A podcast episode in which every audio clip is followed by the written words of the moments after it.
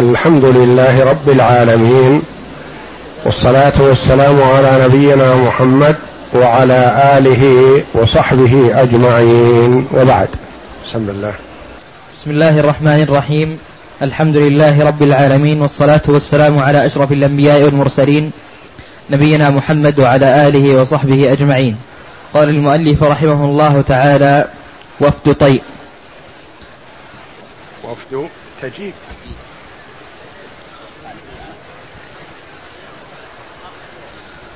الخامس عشر وفد تجيب. قدم وفد تجيب أو تجيب. جماعة من اليمن من كندة يسمون من السكون والسكون من كندة. جاءوا من اليمن إلى النبي صلى الله عليه وسلم مسلمين ومسلمين عليه لأنهم أسلموا قبل هذا وقبضوا صدقات قومهم وأعطوا المحتاجين من قومهم منها وأتوا ببقيتها إلى النبي صلى الله عليه وسلم فسر بهم النبي صلى الله عليه وسلم وكذا أبو بكر رضي الله عنه سر بهؤلاء الوفد. وقال النبي صلى الله عليه وسلم لما أثنى عليهم أبو بكر رضي الله عنه إن الهدى هدى الله. فهو إذا شاء هدى ووفق من شاء من عباده. وإذا شاء جل وعلا حرم من شاء من عباده وهو يوفق ويحرم لحكمة سبحانه وتعالى.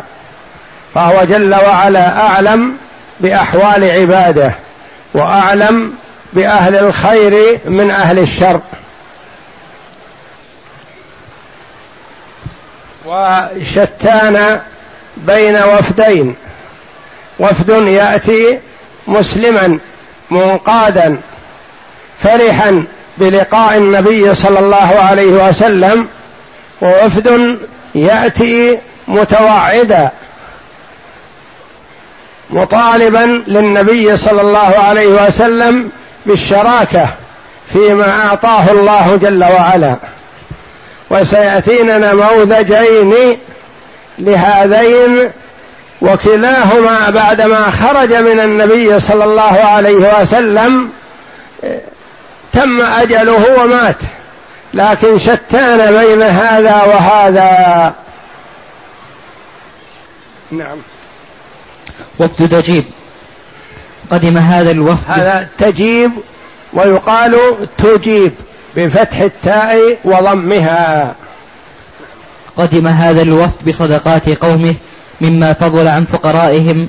وكان هذا الوفد ثلاثة عشر رجلا كانوا يسألون عن القرآن والسنن يتعلمونها. وسألوا رسول الله صلى الله عليه وسلم أشياء فكتب لهم بها ولم يطيلوا اللبث.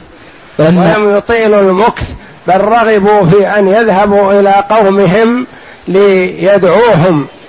يدعو من لم يدخل في الإسلام ومن دخل في الإسلام يبشروهم بأنهم التقوا بالنبي صلى الله عليه وسلم وخاطبوه وخاطبهم.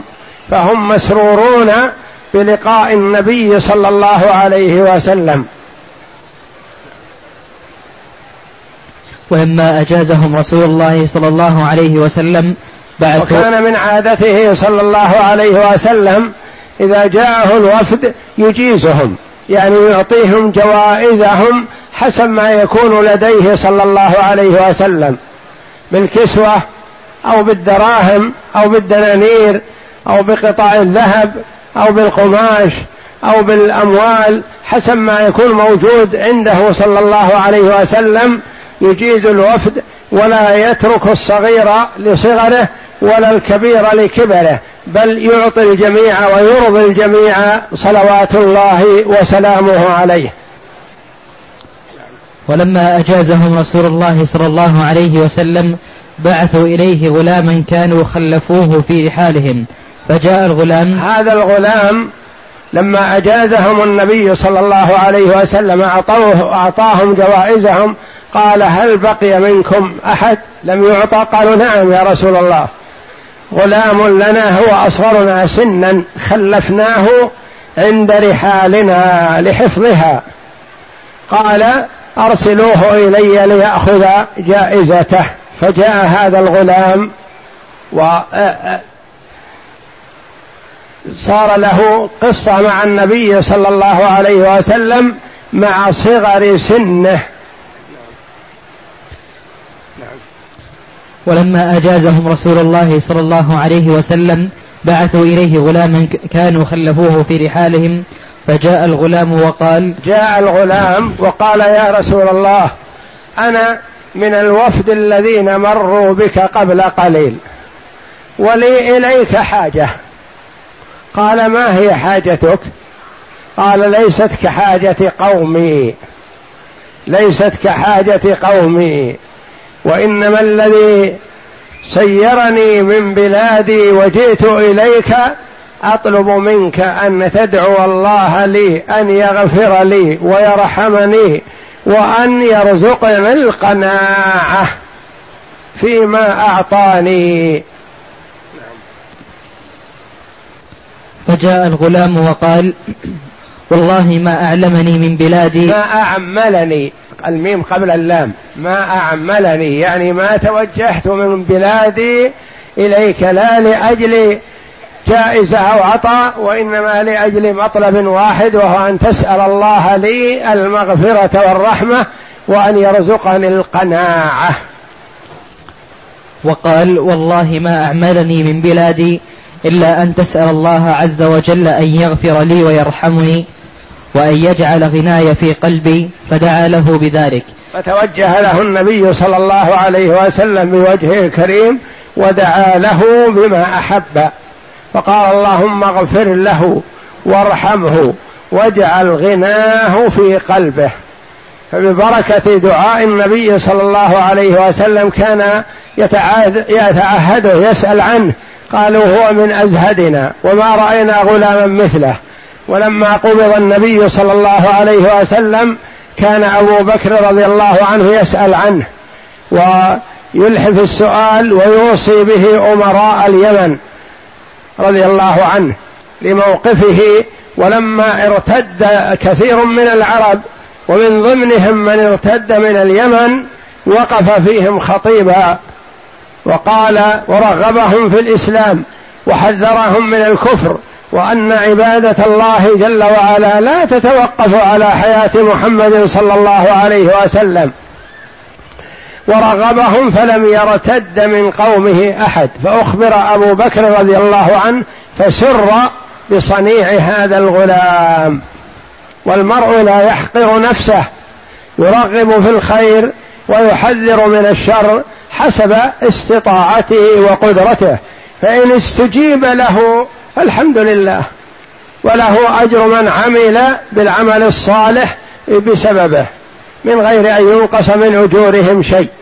وإن لم يستجب له أقام الحجة وأجر على دعوته إلى دعوته إلى الله ولا يضيره كفرهم أو نفاقهم أو فجورهم أو فسقهم لا يضيره وإنما براءة لذمته. والله جل وعلا لما أخبر عن بني إسرائيل وما فعلوا كانوا ثلاث طوائف. طائفة وقعت في المنكر والحرام وطائفة حذرت ونهت وزجرت وطائفة سكتت. لا وقعت في المنكر ولا أنكرت على من وقع فيه. فامتدح الله جل وعلا من أنكر المنكر وتوعد من وقع في المنكر وسكت تبارك وتعالى عن الساكتين أمرهم إلى الله. فالمرء يدعو إلى الله حسب استطاعته وحسب قدرته وحسب ما يتيسر له. يدعو أباه يدعو أمه يدعو أخاه يدعو جيرانه يدعو زملائه وهكذا ولا يحقر نفسه. فكان أقنع الناس وثبت في الردة على الإسلام وذكر قومه ووعظهم فثبتوا عليه.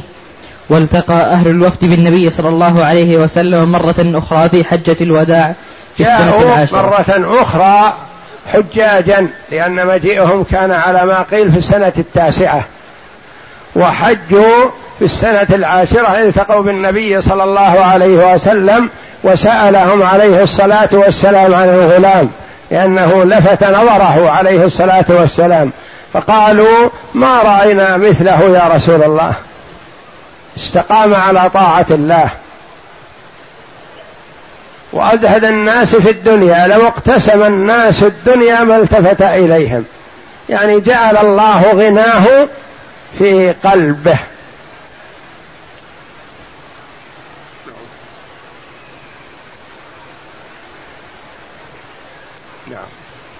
وفد ضي وفد طي وفد طي طي منسوبة إلى منطقة منطقة المعروفة حاليا بمنطقة حائل.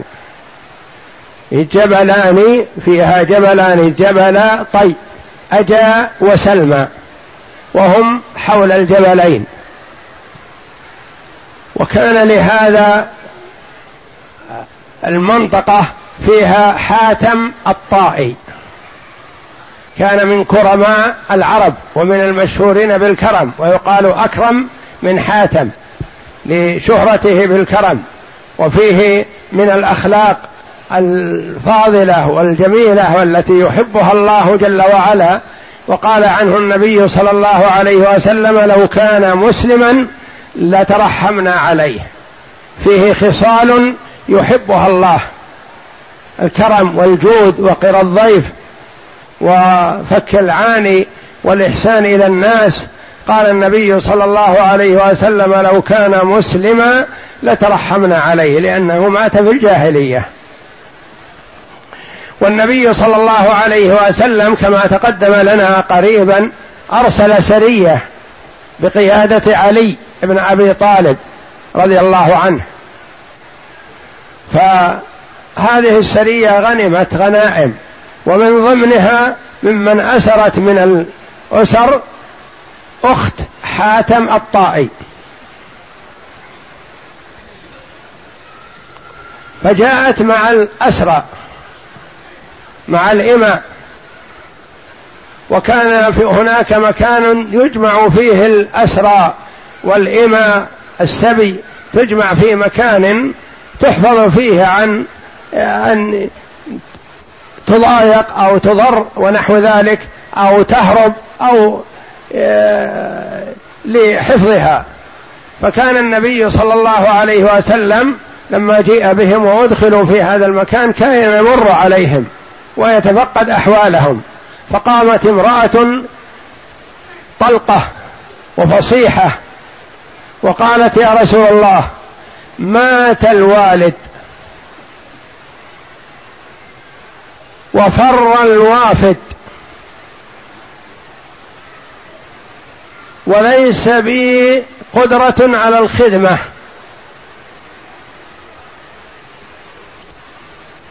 وليس في ولادة. فمن علي من الله عليك. قال من وافدك؟ الوالد مات. ما يحتاج السؤال عنه. لكن الوافد الذي يرعى شؤونها قالت عدي بن حاتم قال الذي فر من الله ورسوله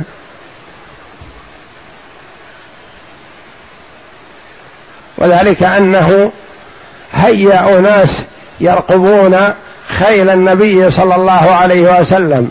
إذا قربت من ديارهم قد هيأ رواحل يريد أن يفر إلى الشام. يظن أن النبي صلى الله عليه وسلم سيسلبه ما هو فيه من الرئاسة والولاية على قومه ونحو ذلك مما هو باخل بها. لكن إذا وصلت الخيل سيفر. وفر بأهله وترك أخته هذه فسبيت مع السبي. فتركها صلى الله عليه وسلم. ثم مر من الغد. فقالت مثل قولها ورد عليها النبي صلى الله عليه وسلم مثل اليوم الأول. ثم مر بهم في اليوم الثالث وقالت له مثل ذلك فقال نعم عليه الصلاة والسلام. لكن انتظري حتى تجدي رفقة من قومك تأمنين على نفسك معهم فتذهبين معهم وإذا أردت الذهاب فآذنيني. ليجيزها عليه الصلاة والسلام. لأنه يكرم الكرماء ومن أصله طيب. فلما جاء رفقة ما كانت تريد ديارها تريد اللحاق بأخيها لأن أخوها أخاها عدي بن حاتم ذهب إلى الشام. لأنه هو كان على النصرانية فقال أذهب إلى من كان على ديني لعلهم يكرمونني. فأرادت أن تذهب إلى الشام ولا تذهب إلى ديارها لتلوم أخاها. فذهبت إلى الشام وحملها النبي صلى الله عليه وسلم وأجازها وذهبت ومن عليها بلا مقابل عليه الصلاة والسلام. وذهبت إلى الشام فلما أقبلت على أخيها قبل أن تسلم عليه لامته ووبخته. وقالت تفر من أكرم الناس. ضع يدك في يده راغبا أو راهبا. فيه النجاه إما مؤمن صادق وإما خايف يؤمنك. فجاء إلى النبي صلى الله عليه وسلم قبل كلام أخته وجاء إلى النبي صلى الله عليه وسلم بلا أمان لأنه واثق من نفسه أنه سينجو بإذن الله. حتى وقف على النبي صلى الله عليه وسلم وسلم عليه. فقال من الرجل؟ قال عدي بن حاتم.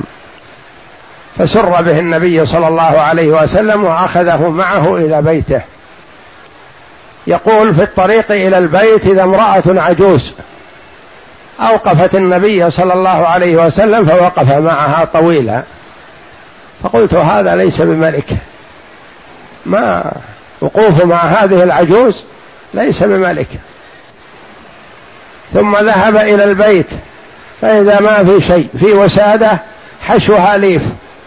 فأخذها النبي صلى الله عليه وسلم ووضعها له. قال اجلس عليها. قال لا أنت أجلس عليها قال لا أنت أجلس عليها.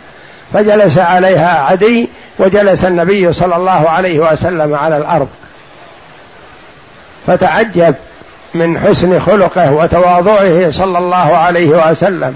الذي أرجف العالم وخاف العالم منه يجلس على الأرض. وإذا الأطفال يلعبون حوله ويت... قال هذا ليس بملك. ثم دعاه النبي صلى الله عليه وسلم إلى الإسلام فأعلن إسلامه في مكانه فسر به النبي صلى الله عليه وسلم وبعثه إلى قومه مصدقا يعني ليقبض صدقاتهم صدقات من أسلم منهم. و ثم جاء قبل هذا أو بعده الله أعلم جاء وفد طي ومعهم زيد الخيل. سمي زيد الخيل لأنه يملك عددا من الخيل. يعني الغالب في العرب أن كل واحد عنده خيل واحدة له يركبها. هذا على ما قيل عنده خمس يعتقبها. فسمي زيد الخيل فجاء إلى النبي صلى الله عليه وسلم ومعه الوفد فأعجب به عليه الصلاة والسلام.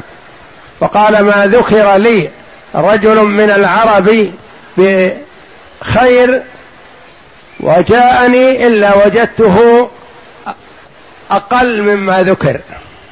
يعني ما يستحق كل هذا الذكر إلا زيد. فإنه لما جاءني وجدته أكثر وأكثر مما ذكر عنه. وسماه النبي صلى الله عليه وسلم زيد الخير بدل الخيل زيد الخير.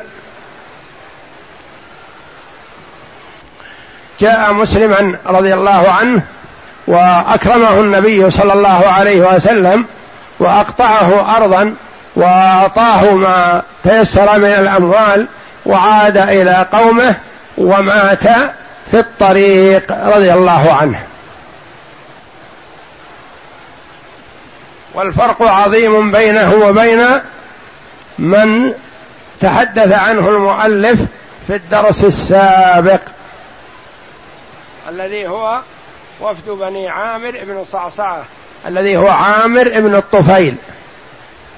عامر بن الطفيل كما تقدم لنا أنه توعد النبي صلى الله عليه وسلم وقال له أخيرك بين ثلاث. إما أن يكون لك السهل ولي الوبر. يعني لك البلدان الديار العامرة ولي البراري بقاسم النبي صلى الله عليه وسلم. وإما أن تجعل لي الأمر من بعدك. وإما أغزوك بألف أدهم يعني بأكثر من ألف من الخيل. فقال النبي صلى الله عليه وسلم ورده وقال لو طلبتني هذه وكان معه ما أعطيتك إياها. وكما قال لمسيلمة مثل قوله كذلك لأن مسيلمة مثله. طلب المشاركة.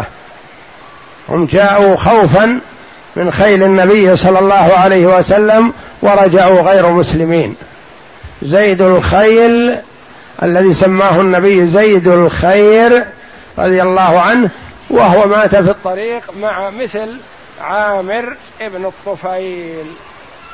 لكن شتان بينهما. نعم. وفد طي وفد طي قدم هذا الوفد وفيهم زيد الخيل فلما كلموا النبي صلى الله عليه وسلم وعرض عليهم الإسلام أسلموا وحسن إسلامهم وقال رسول الله صلى الله عليه وسلم عن زيد ما ذكر لي رجل من العرب بفضل حتى جاءني إلا رأيته دون ما يقال فيه. إلا يعني يكثرون الناس فيه وهو لا يستحق لأنه يعرف الرجال حقيقة عليه الصلاة والسلام. إلا زيد فإنه ما بلغ فيه ما يستحق من القول. نعم. إلا زيد الخيل فإنه لم يبلغ في لم يبلغ كل ما فيه وسماه زيد الخير. وهكذا تتابعت الوفود. هذا هو الوفد السادس عشر مما ذكر المؤلف رحمه الله تعالى. والوفود كثيرة. وجاءت من كل حدب وصوب. منهم وفد خيار ومنهم أراذل وأنذال. كوفد بني عامر ابن صعصعة الذي هو رئيسهم ورؤساهم الثلاثة. واما بقية القبيلة ففيهم خيار.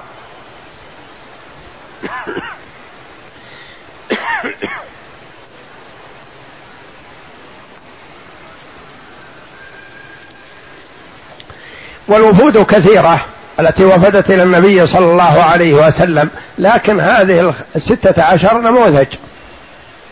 وفي الهدي النبوي لابن القيم أكثر من هذا.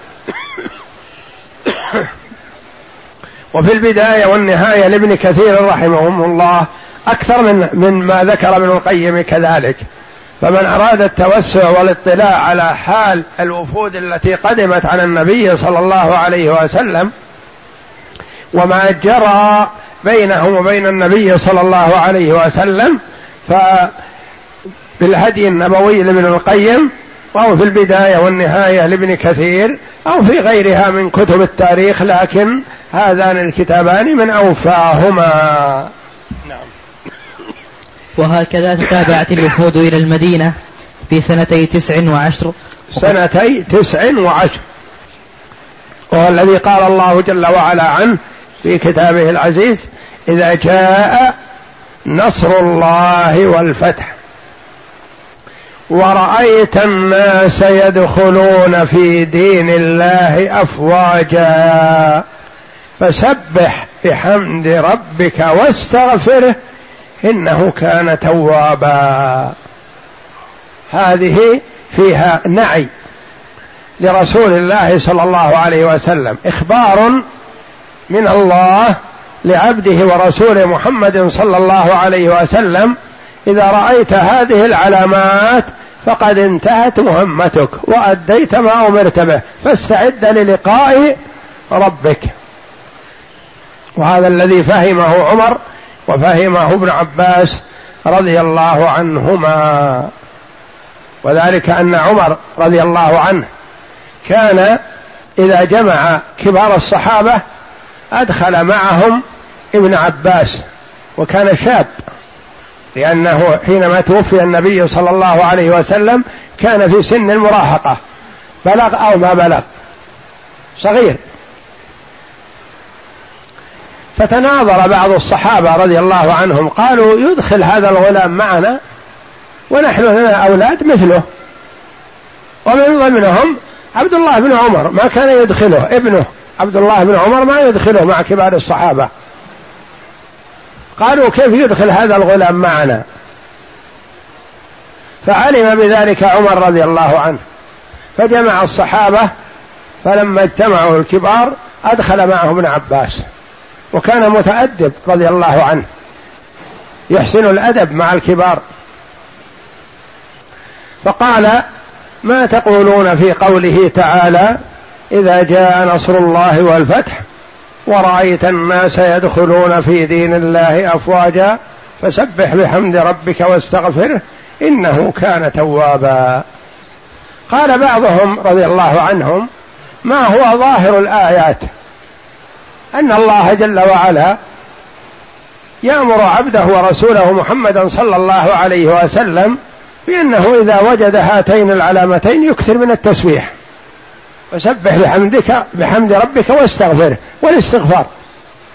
وبعضهم سكت رضي الله عنهم. وابن عباس ساكت. قال هكذا تقول ابن عباس؟ قال لا. ما أوافقهم على هذا. واصغرهم قال إذا ما تقول؟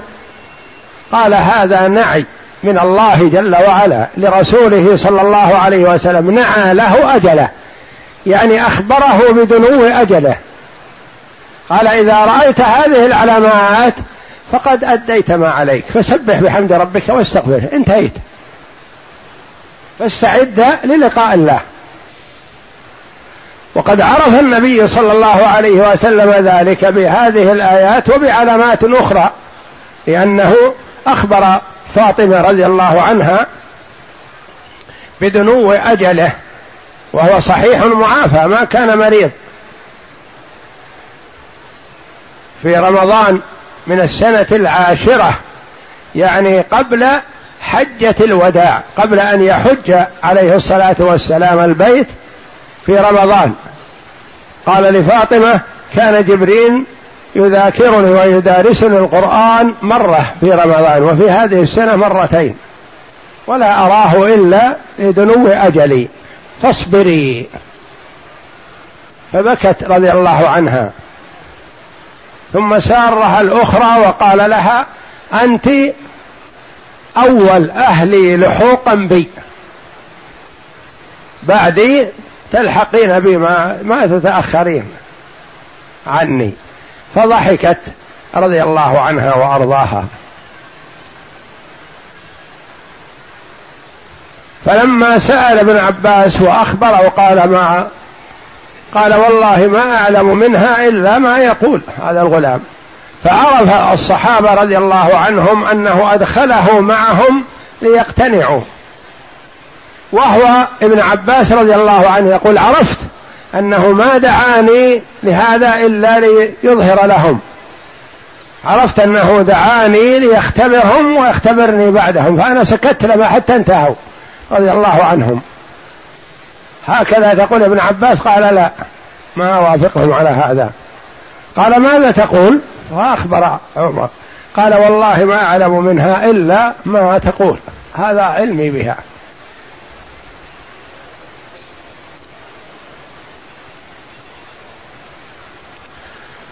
فالله جل وعلا أخبر رسوله صلى الله عليه وسلم بهذه العلامات إذا وجدت فاستعد للقاء الله. أديت ما عليك. وكما قال بعض المفسرين رحمهم الله عمر النبي صلى الله عليه وسلم وزمنه وأوقاته ثمينة. وقت نشاطه وقوته يؤدي الرسالة. فلما كمل وأدى ما عليه قبضه الله جل وعلا غير ضعيف الرأي ولا ضعيف البدن. عليه الصلاة والسلام. كان إلى السنة التاسعة وهو يخرج للجهاد في سبيل الله يقاتل بنفسه عليه الصلاة والسلام. وفي آخر السنة التاسعة وأول السنة العاشرة ولا السنة العاشرة جلس في المدينة لا لضعف وإنما لاستقبال الوفود. عليه الصلاة والسلام. كان الوفود يأتون من كل جهة يبايعون على الإسلام ويظهرون الإسلام فلزم أن يلقى لهم عليه الصلاة والسلام في المدينة يستقبلهم. وبعد حجة الوداع بثلاثة أشهر في ربيع الأول من السنة الحادية عشرة لحق بالرفيق الأعلى صلوات الله وسلامه عليه.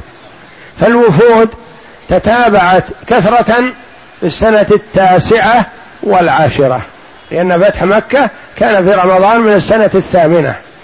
ولما علم الناس بفتح مكة ما وسعهم البقاء إلا أن يأتوا ليضعوا أيديهم بيد النبي صلى الله عليه وسلم لأنهم كانوا ينتظرون ماذا يكون مآل النبي صلى الله عليه وسلم مع قريش. هل تغلبه قريش أم يغلبها؟ فلما فتح الله له مكة وأذنت له قريش واجتمعوا حوله لا يدرون ماذا سيصنع بهم. قال ما تظنون أني فاعل بكم وهو واقف بباب الكعبة؟ عليه الصلاة والسلام يخاطب كبراء قريش وأهل مكة. ما تظنون أني فاعل بكم لأنه أتاها عن وهو فتحها بالقوة؟ قالوا أخ كريم وابن أخ كريم. ما جربنا عليك إلا الخير. ما عرف عنك إلا الخير. وهم الذين آذوه أشد الأذى عليه الصلاة والسلام. قال لهم قولته المشهوره اذهبوا فأنتم الطلقاء. فأعتقهم صلى الله عليه وسلم ومن عليهم عليه الصلاة والسلام. نعم.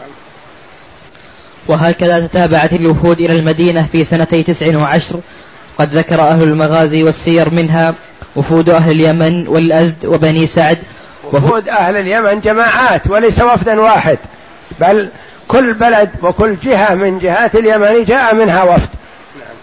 وهذيم من قضاعة وبني عامر بن قيس وبني أسد وبهراء وخولان ومحارب وبين الحارث بن كعب وغامد وبني المنتفق وسلامان وهو آخر الوفود توافد في منتصف محر وبني عبس ومزينة ومراد وزبيد وكندة وذي مرة وغسان وبني عيش ونخع وهو آخر الوفود. توافد في منتصف محرم من السنة الحادية عشر في مئتي رجل وكانت وفادة الأغلبية من هذه الوفود سنة تسع وعشر من الهجرة وقد تأخرت وفادة بعضها إلى سنة إحدى عشر. وتتابع هذه الوفود وتتابع هذه الوفود, هذه الوفود يدل على مدى ما نالت الدعوة الإسلامية من القبول التام وبسط السيطرة والنفوذ على أنحاء جزيرة العرب وأرجائها وأن العرب كانت تنظر إلى المدينة بنظر التقدير والإجلال حتى لم تكن ترى محيصا عن الاستسلام أمامها. فقد صارت المدينة عاصمة لجزيرة العرب لا يمكن صرف النظر عنها إلا أننا لا يمكن لنا القول بأن الدين قد تمكن من أنفس هؤلاء بأسرهم لأنهم, لأنهم ما كلهم دخلوا في الدين وتمكن الإيمان من قلوبهم. فيهم الجهال. فيهم من لم يتعلم ولم يعرف. فيه من لم يتمكن الإيمان من قلبه. فيهم الأعراب الجفاة الذين يتربصون الدوائر كما قص الله جل وعلا عنهم. نعم. لأنه كان وسطهم كثير من الأعراب الجفاة الذين أسلموا تبعا لساداتهم ولم تكن أنفسهم قد خلصت بعد ما تأصل فيها من الميل إلى الغارات. ولن أكثرهم شب في على النهب والإغارة والسطو وغير ذلك من الفتك. ما يريدون بعضهم الاستقرار والأمن والركود. ما لهم معيشة في هذا. يريدون الظلم والتعدي والأخذ بالقوة. ولم تكن تعاليم الإسلام قد هذبت أنفسهم تمام التهذيب وقد وصف القرآن بعضهم بقوله في سورة التوبة الأعراب أشد كفرا ونفاقا وأجدر أن لا يعلموا حدود ما أنزل الله على رسوله والله عليم حكيم. ومن الأعراب من يتخذ ما ينفق مغرما ويتربص بكم الدوائر عليهم دائرة السوء والله سميع عليم. وأثنى على آخرين منهم فقال ومن الأعراب من يؤمن بالله واليوم الآخر ويتخذ ما ينفق قربات عند الله وصل وصلوات الرسول ألا إنها قربة لهم سيدخلهم الله في رحمته إن الله غفور رحيم. أما الحاضرون منهم في مكة والمدينة وثقيف وكثير من اليمن والبحرين فقد كان الإسلام فيهم قويا ومنهم كبار الصحابة وسادات المسلمين. والله أعلم وصلى الله وسلم وبارك على عبده ورسول نبينا محمد وعلى آله وصحبه أجمعين.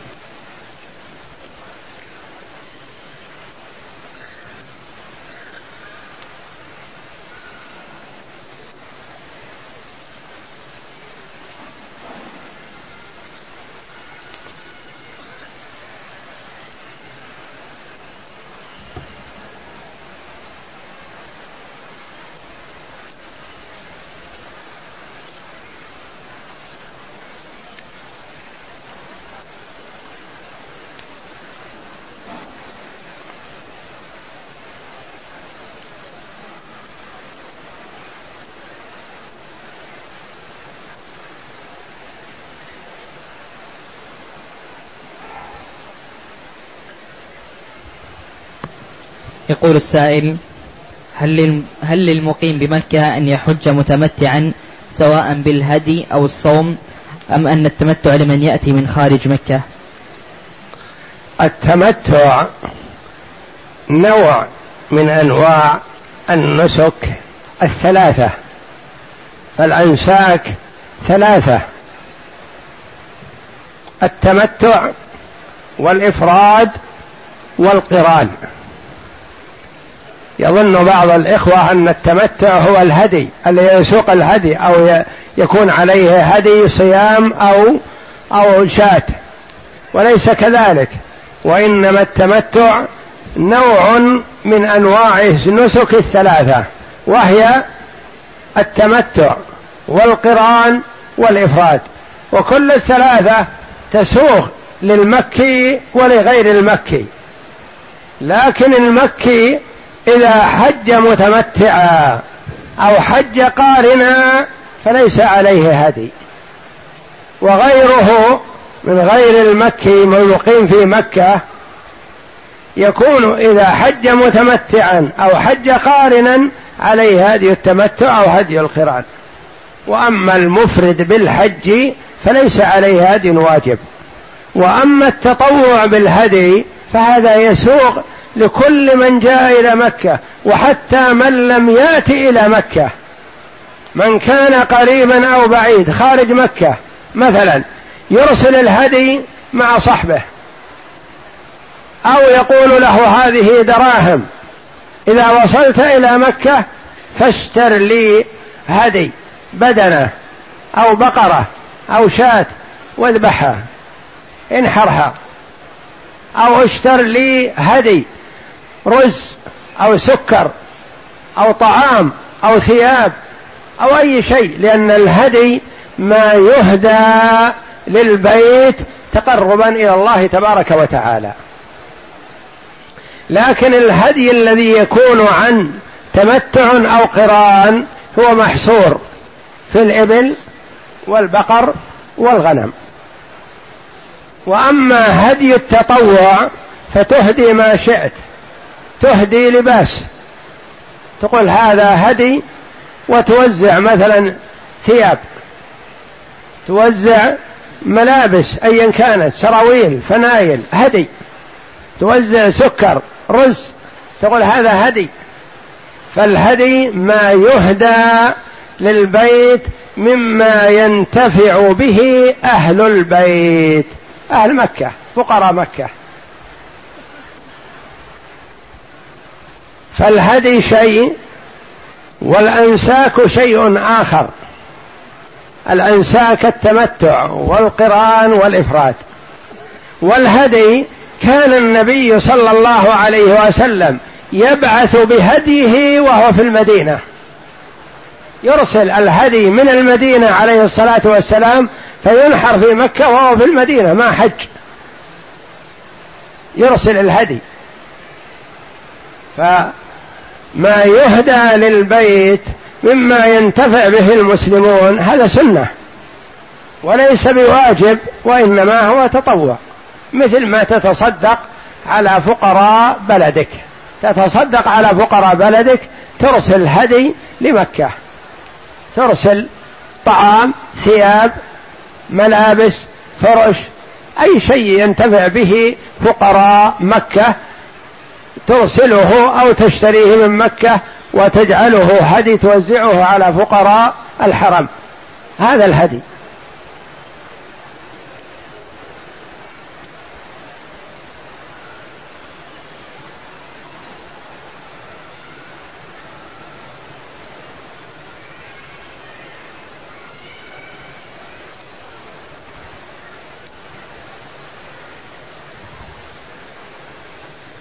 يقول السائل أنا رجل مقيم في مكة وسافرت إلى الرياض ثم رجعت في هذا الشهر فهل إذا أديت العمرة. في هذا الوقت أكون متمتعا علما بأني عازم هذه السنة على الحج بإذن الله. أم تكون عمرتي عمرة مطلقة لا علاقة لها بالحج؟ نعم تكون متمتعا إذا اعتمرت في شوال أو في ذي القعدة أو في العشر الأول من ذي الحجة وحججت من نفس السنة ولم تسافر بين عمرتك وبين حجك. تكون متمتعا لكن ليس عليك هدي ما دمت ساكن في مكة. الله جل وعلا يقول ذلك لمن لم يكن أهله حاضر المسجد الحرام. وبعض الناس يحاول التهرب من لا يكون عليه هدي. وهذا ليس بصحيح. التهرب عن هدي الجبران. احرص ما استطعت ألا يكون عليك هدي جبران. لأن هدي الجبران نتيجة التقصير في شيء ما إما ترك واجب أو فعل محظور. فاحرص على أن لا يكون عليك هدي جبران. لكن هدي التمتع وهدي القران احرص عليه ما في حرج. قربة وطاعة لله والنبي صلى الله عليه وسلم أهدى. أهدى وحج قارنا على الصحيح عليه الصلاة والسلام. حج قارنا قرن بين الحج والعمرة لأنه ساق الهدي من المدينة عليه الصلاة والسلام. بعضه من المدينة وبعضه أتى به علي رضي الله عنه من اليمن. وأهدى مئة من الإبل عليه الصلاة والسلام. وكان الواجب لمثل حجه شاة واحدة. الواجب المجزئ شاة واحدة في القرآن. فأهدى مئة من الإبل. والإبل الواحدة عن سبع. فبعض الناس يحرص أو يرى أنه يسلم من الهدي. وأقول الهدي نوعان. هدي جبران احرص على أن تسلم منه. لا تخالف. لا تترك واجب ولا تفعل محظور فلا يكون عليك هدي.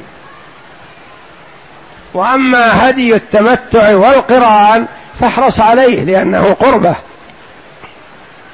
ولا يضير حجك. وهو عبادة وقربة وطاعة لله جل وعلا والنبي صلى الله عليه وسلم أهدى.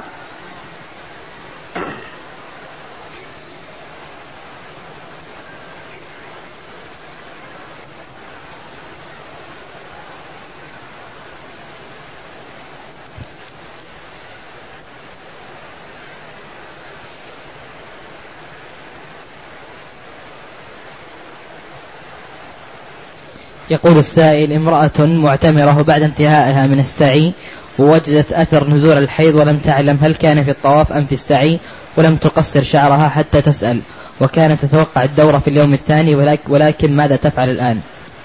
ما يضيرها وعمرتها صحيحة إن شاء الله وتامة ما دامت أنها طافت وهي ترى أنها ليست بحائض وما شعرت بالحيض. فيحتمل أن الحيض أتاها بعد الطواف والسعي صحيح مع حتى مع الحيض ويحتمل أن الحيض أتاها بعد السعي. ما دام في احتمال وهي طافت على نية أنها طاهر وليست بحائض فليس عليها شيء. وعمرتها صحيحة إن شاء الله.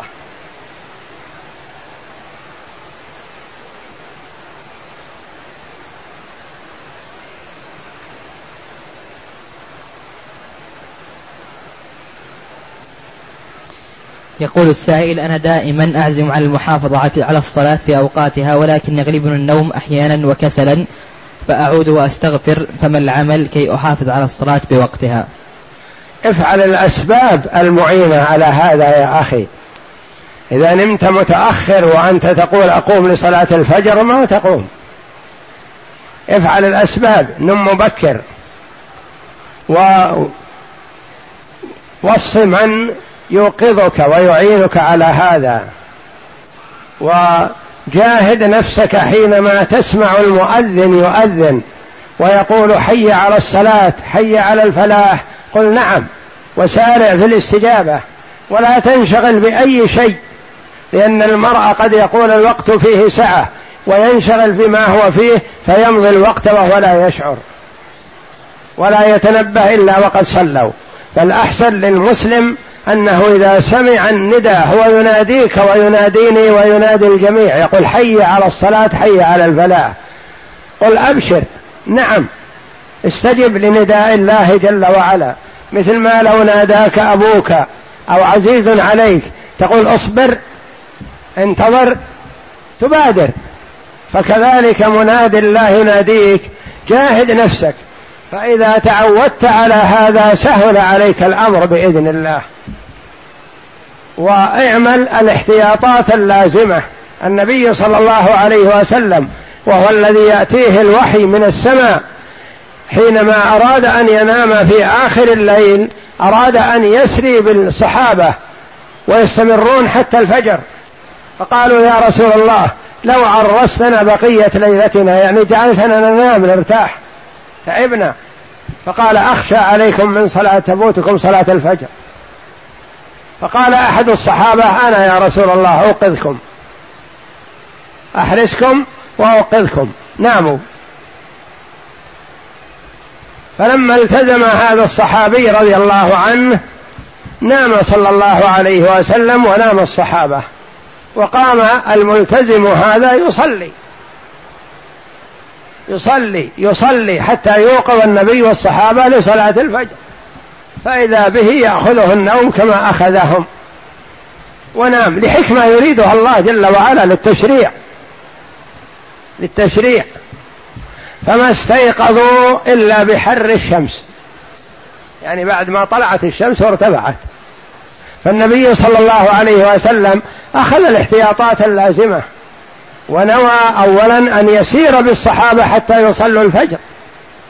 لكنهم طلبوا منه والتزم الشخص الذي يوقظهم فناموا. فغلبهم النوم واستمروا حتى ارتفعت الشمس وما استيقظوا إلا بحر الشمس. فسار عليه الصلاة والسلام وانتقل من هذا المكان الذي ناموا فيه لأنه قال عنه إنه فيه شيطان. وساروا ثم نزلوا وتوضأوا وصلوا الفجر. بعدما ارتفعت الشمس. تشريع من الله جل وعلا للعباد. إذا غلبه النوم مع الاحتياطات اللازمة ما يقول مثل ما يقول بعض الجهال يقول فاتت صلاة الفجر أخليها أقضيها في اليوم الثاني. لا. يقول عليه الصلاة والسلام من نام عن صلاة أو نسيها فليصلها إذا ذكرها. لا كفارة إلا إلا ذلك. نام قبل الفجر مثلا وما استيقظ إلا بعد العصر. غلبه النوم ما عنده أحد يوقظه. في الحال يقوم بعد العصر ويصلي الفجر ثم يصلي الظهر ثم يصلي العصر. ولا يؤخر يقول أقضي كل فريضة في مقابل وقتها. لا هذا خطأ. فالمرء عليه أن يتخذ الاحتياطات اللازمة. ولا يقول مثلا النوم يغلبني. لو كان لك موعد سفر أو شيء مهم يهمك لا أخذت الاحتياطات اللازمة لإيقاظك ولا قلت النوم يغلبني. فما بالك عند فريضة من فرائض الله تعتذر بالنوم؟ لا يا أخي. إذا أخذت الاحتياطات اللازمة فلن يغلبك النوم.